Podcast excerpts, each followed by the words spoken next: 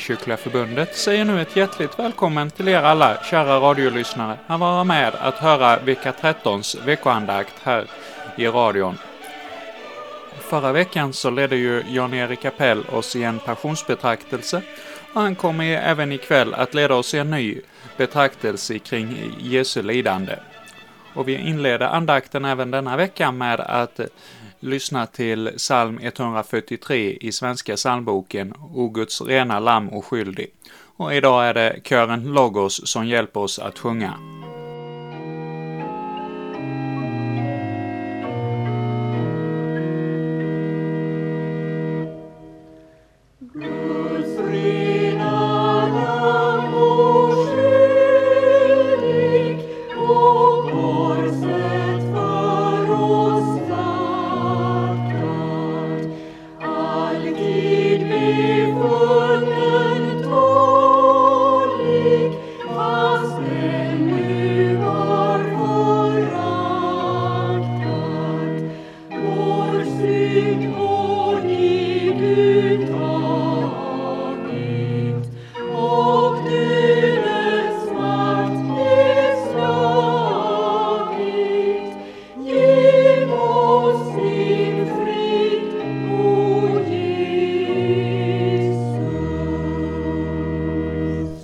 Vi ber. Himmelske Fader, du som inte skonat din egen son, utan för vår skull utgivit honom till döden på korset. Sänd din Ande i våra hjärtan så att vi litar på din nåd och får leva i dig för evigt. Genom samme din Son Jesus Kristus, vår Herre. Amen. Vi ska fortsätta vår vandring genom Jesu lidandes historia enligt Johannesevangeliet. Vi stannar denna gång inför kapitel 18, verserna 15 till och med 27. Orden lyder så i Jesu namn. Simon Petrus och en annan lärjunge följde efter Jesus.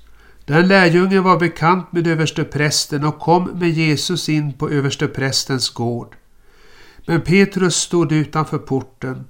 Den andra lärjungen, han som var bekant med översteprästen, gick då ut och talade med flickan som vaktade porten och förde in Petrus.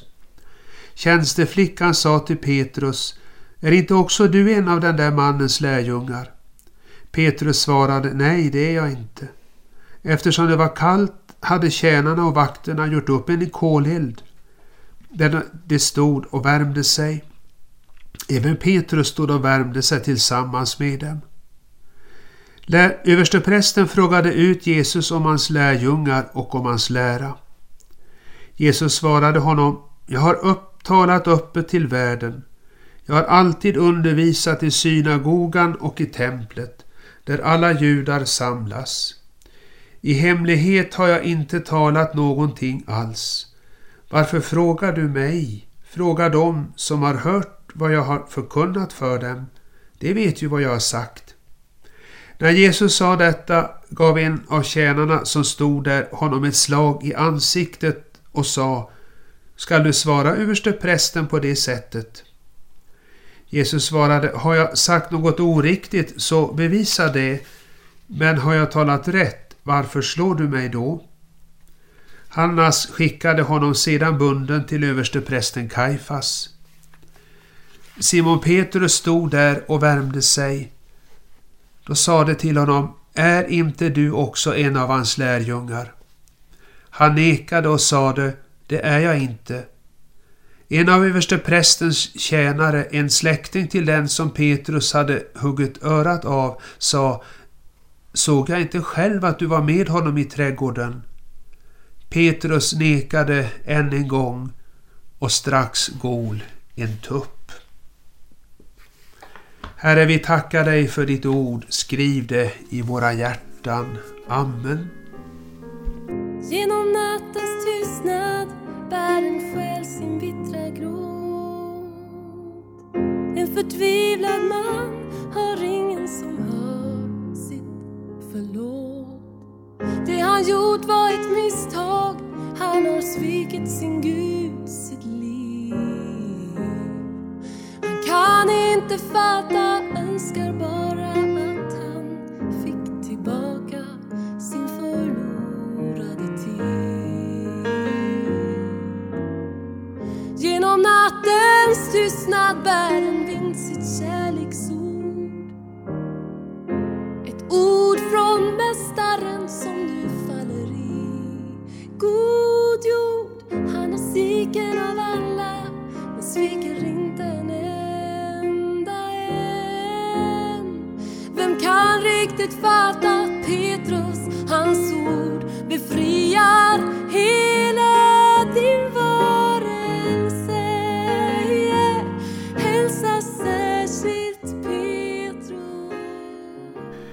Texten jag läste nyss handlar till största delen om Petrus. Den beskriver hur han och en annan lärjunge, vem vet vi inte, följer efter Jesus när han bunden förs bort till översteprästen Hannas och hur Petrus på översteprästens gård tre gånger förnekar sin mästare. Om Petrus fall, men också om hans upprättelse och vad de bör verka hos en Jesu lärjunge, det ska jag tala idag. Först ska vi se att Petrus fall bör verka varning. Av apostlarna var ju Petrus en av dem som stod Jesus allra närmast. Tillsammans med Jakob och Johannes hade han fått följa med Jesus upp på förklaringsberget och där på ett särskilt sätt skådat Jesu härlighet. Tillsammans med samma två lärjungar hade Petrus också fått följa Jesus djupare in i ett semane och där blivit vittne till den svåra ångesten och den heta bönekampen när den himmelske fadern räckte sin son den bittra lidandes kalken. Visst hade Petrus varit den av apostlarna som på Jesu fråga ”Och ni, vem säger ni att jag är?” hade svarat ”Du är Messias, den levande Gudens son”. Dessutom hade Petrus Jesus att tacka för sitt liv. Då Petrus en gång hade stigit ur båten och gått mot Jesus på vågorna men låtit otron ta herraväldet och därför börjat sjunka så hade Jesus tagit honom i handen och hjälpt honom upp i båten. Men vad hände där inne på översteprästens gård? Jo, på den tre gånger upprepade frågan till Petrus om han inte var en av Jesu lärjungar hade Petrus lika många gånger svarat nej. Nej, det är jag inte. Hur var det möjligt att denne så förtrogne lärjunge kunde falla så djupt?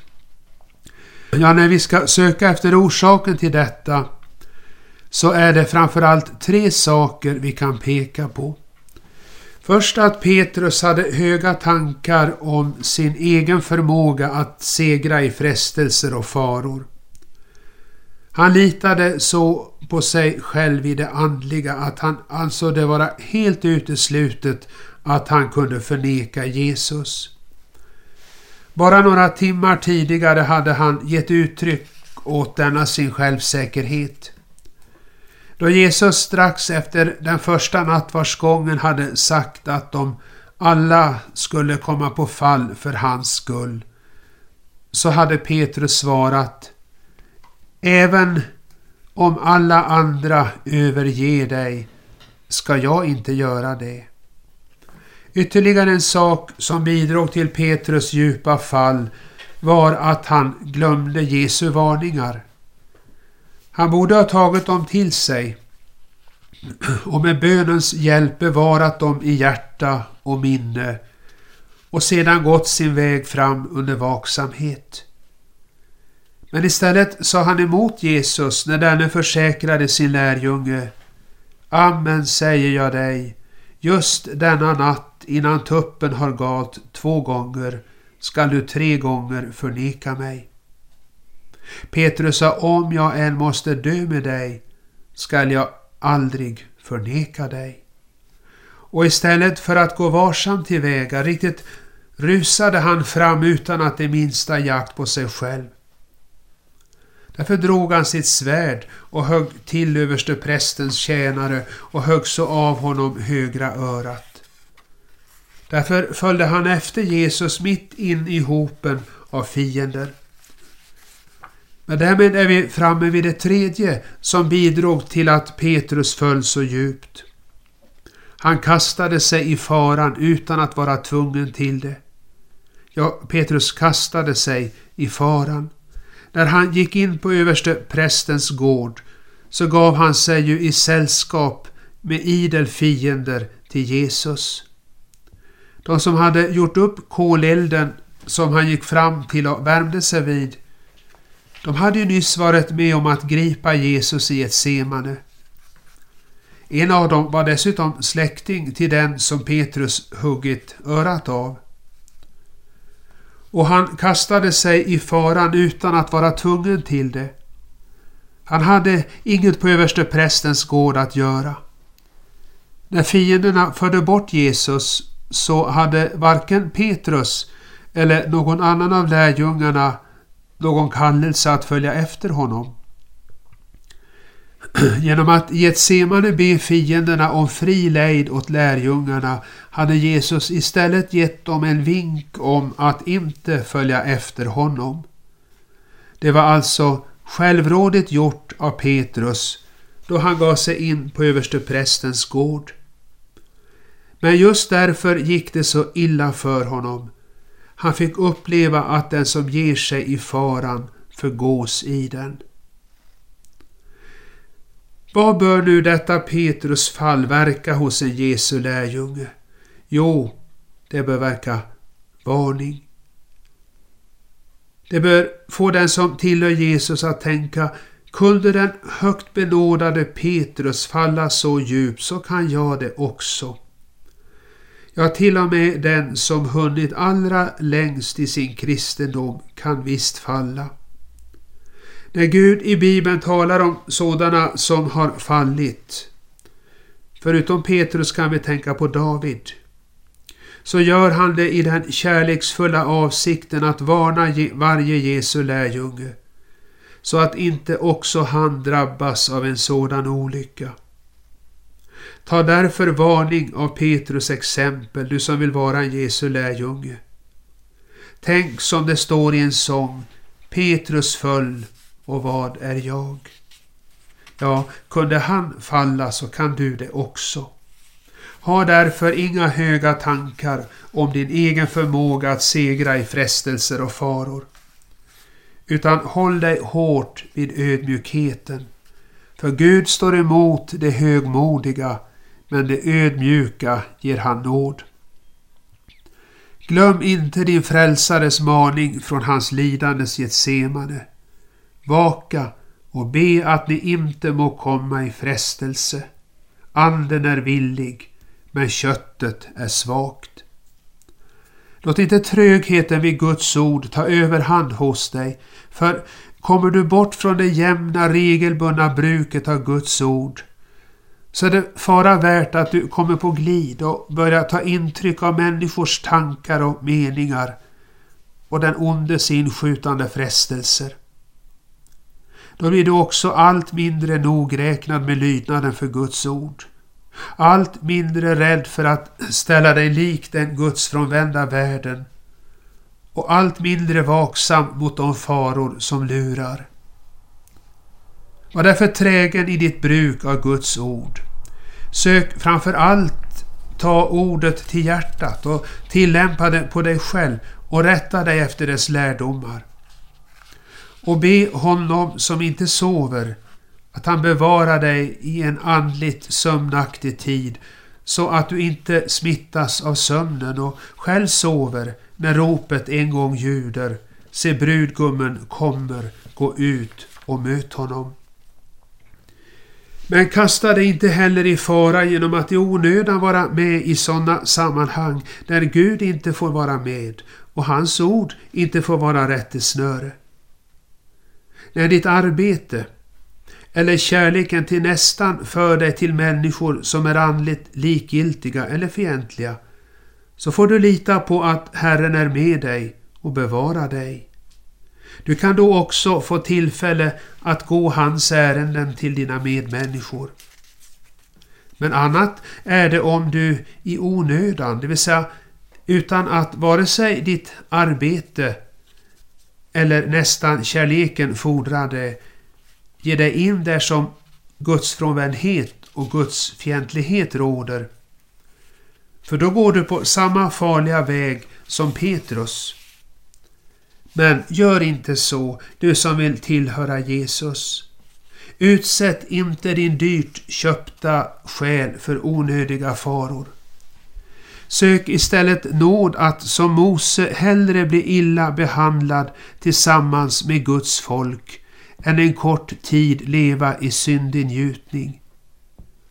Om du så håller dig till Guds ord och tar det tillvara för allt och alla som du förstår skulle kunna bli dig till frestelse och fall, så har du löfte om att Herren själv ska ta vara på dig och frälsa dig ut ur de prövningens stunder som ska komma. Låt oss nu också se att Petrus upprättelse bör verka tröst.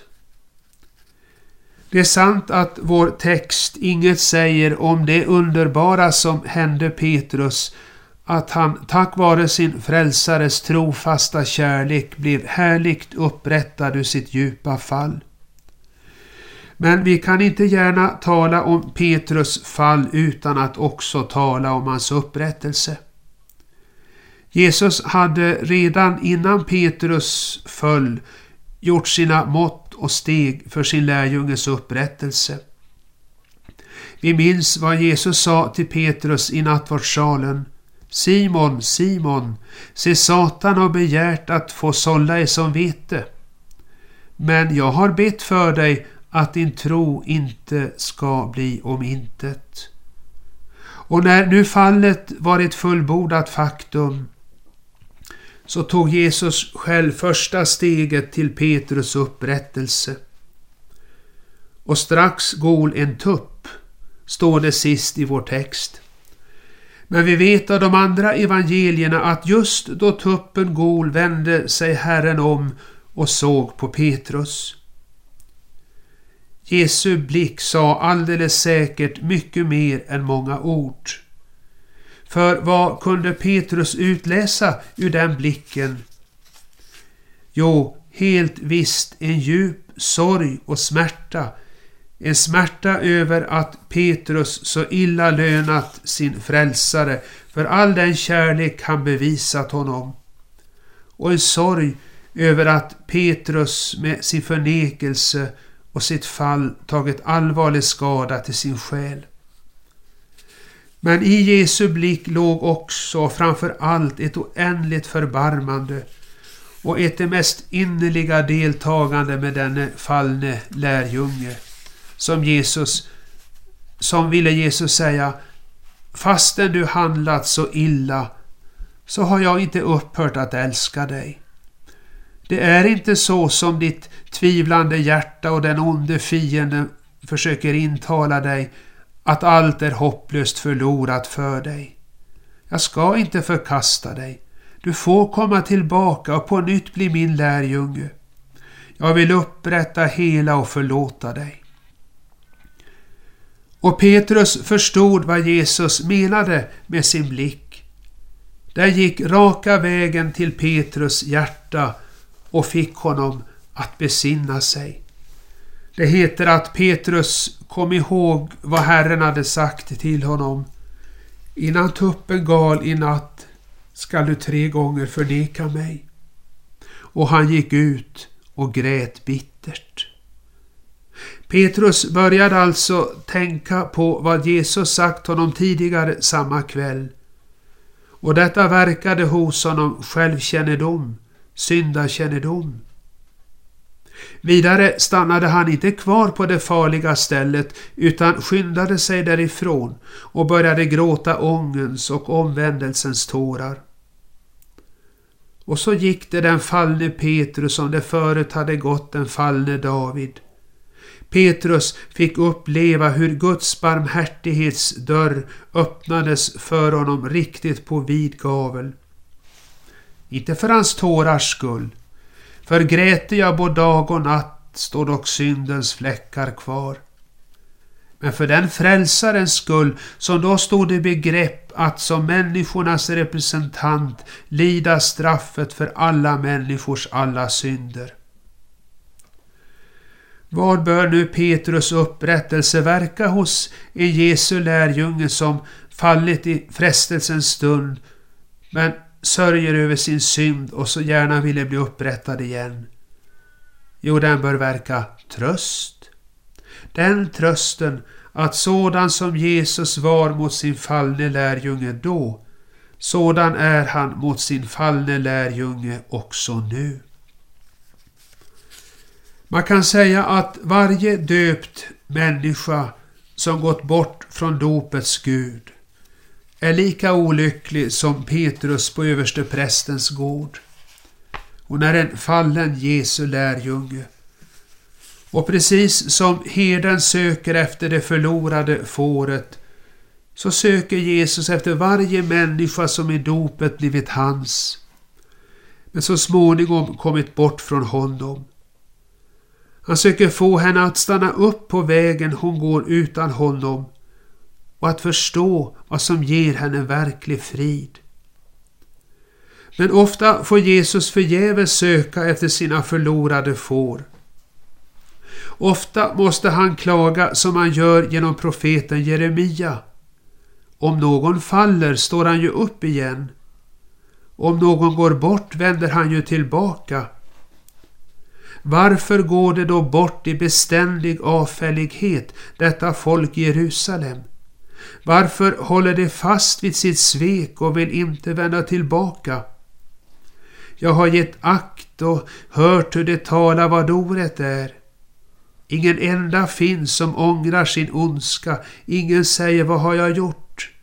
Alla löper de bort, lika hästar som rusar åstad i striden. Har du en kortare eller längre tid levat borta från din Gud och frälsare? Betänk då varifrån du har fallit och vänd om.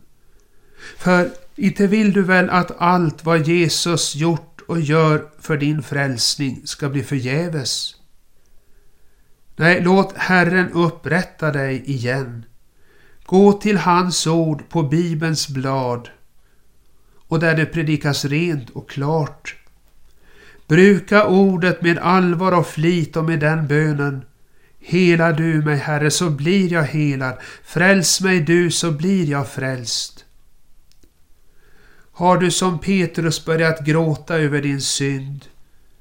Tänk då till din tröst på hur härligt upprättad Petrus blev.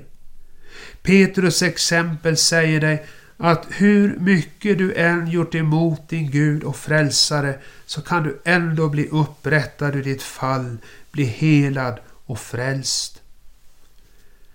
Tar du bara samma utväg som Petrus så ska du, precis som han, finna nåd. Fortsätt att höra och läsa Guds ord, även om du tycker att det inte vill ljusna för dig i ditt mörker. Säg med profeten Mika Eftersom jag har syndat mot Herren vill jag bära hans vrede till dess han utför min sak och skaffar mig rätt. Till dess att han för mig ut i ljuset så att jag med lust får se på hans rättfärdighet.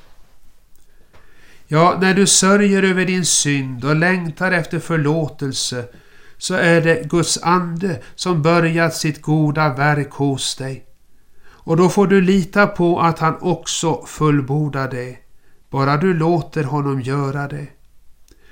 Och det gör du när du av hjärtat söker din Gud och frälsare i hans ord, bönen och nattvarden och lever i en daglig omvändelse. Det vill säga varje dag lägger ner sina, dina synder vid korsets fot med den bönen till honom som dött också för dig Omkring ditt kors och Jesu kär jag sträcker mina händer och mot ett livsbaner du bär ett hoppfullt öga vänder. Det ve förbjudna trädet bar på korsets träd du lidit har det mig till tröst nu länder. Så ska Gud själv genom sin ande jämna vägen för dig. Han ska inte låta din fot vackla. Han ska leda dig steg för steg ända tills du är lyckligt framme vid målet där inga faror hotar mer. Amen. Låt oss be. O ett sägligt stor Herre Jesus var din kärlek till oss fallna människor, att du för vår skull blev människa och led smälek, ångest, pina och död för oss syndare som annars hade måst evigt dö. Giv oss nåd att i tro ta emot denna din välgärning och av hjärtat lova dig för den. Hjälp oss att alltid leva efter Guds vilja och i all nöd och motgång trösta oss med att du är vår frälsare som har befriat oss från dödens och djävulens våld och som till sist skall ta oss från denna mödosamma värld till dig i himmelen, där vi på ett fullkomligt sätt ska lova dig för evigt. Amen. Tag emot Herrens välsignelse. Herren välsigne dig och bevare dig. Herren låter sitt ansikte lysa över dig och vare dig nådig. Herren vände sitt ansikte till dig och give dig frid i Faderns och Sonens och den helige Andes namn. Amen. Vi sjunger psalm 390, verserna 3 till och med 5.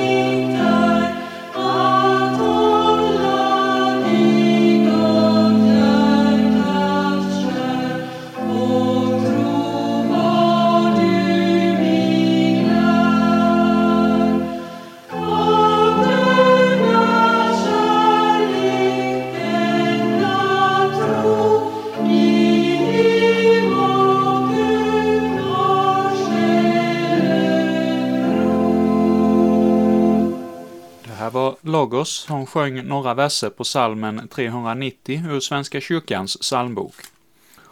Och det var Jan-Erik Appell som idag ledde vår betraktelse här i Kyrkliga Förbundets veckoandakt. Och jag som heter Erik Olsson och är programledare och ansvarig för programmet önskar dig som lyssnar hjärtligt välkommen att höra en ny passionsandakt här i radion nästa vecka, då Jan-Erik fortsätter med en ny betraktelse utifrån Johannes skildring av Jesu lidande.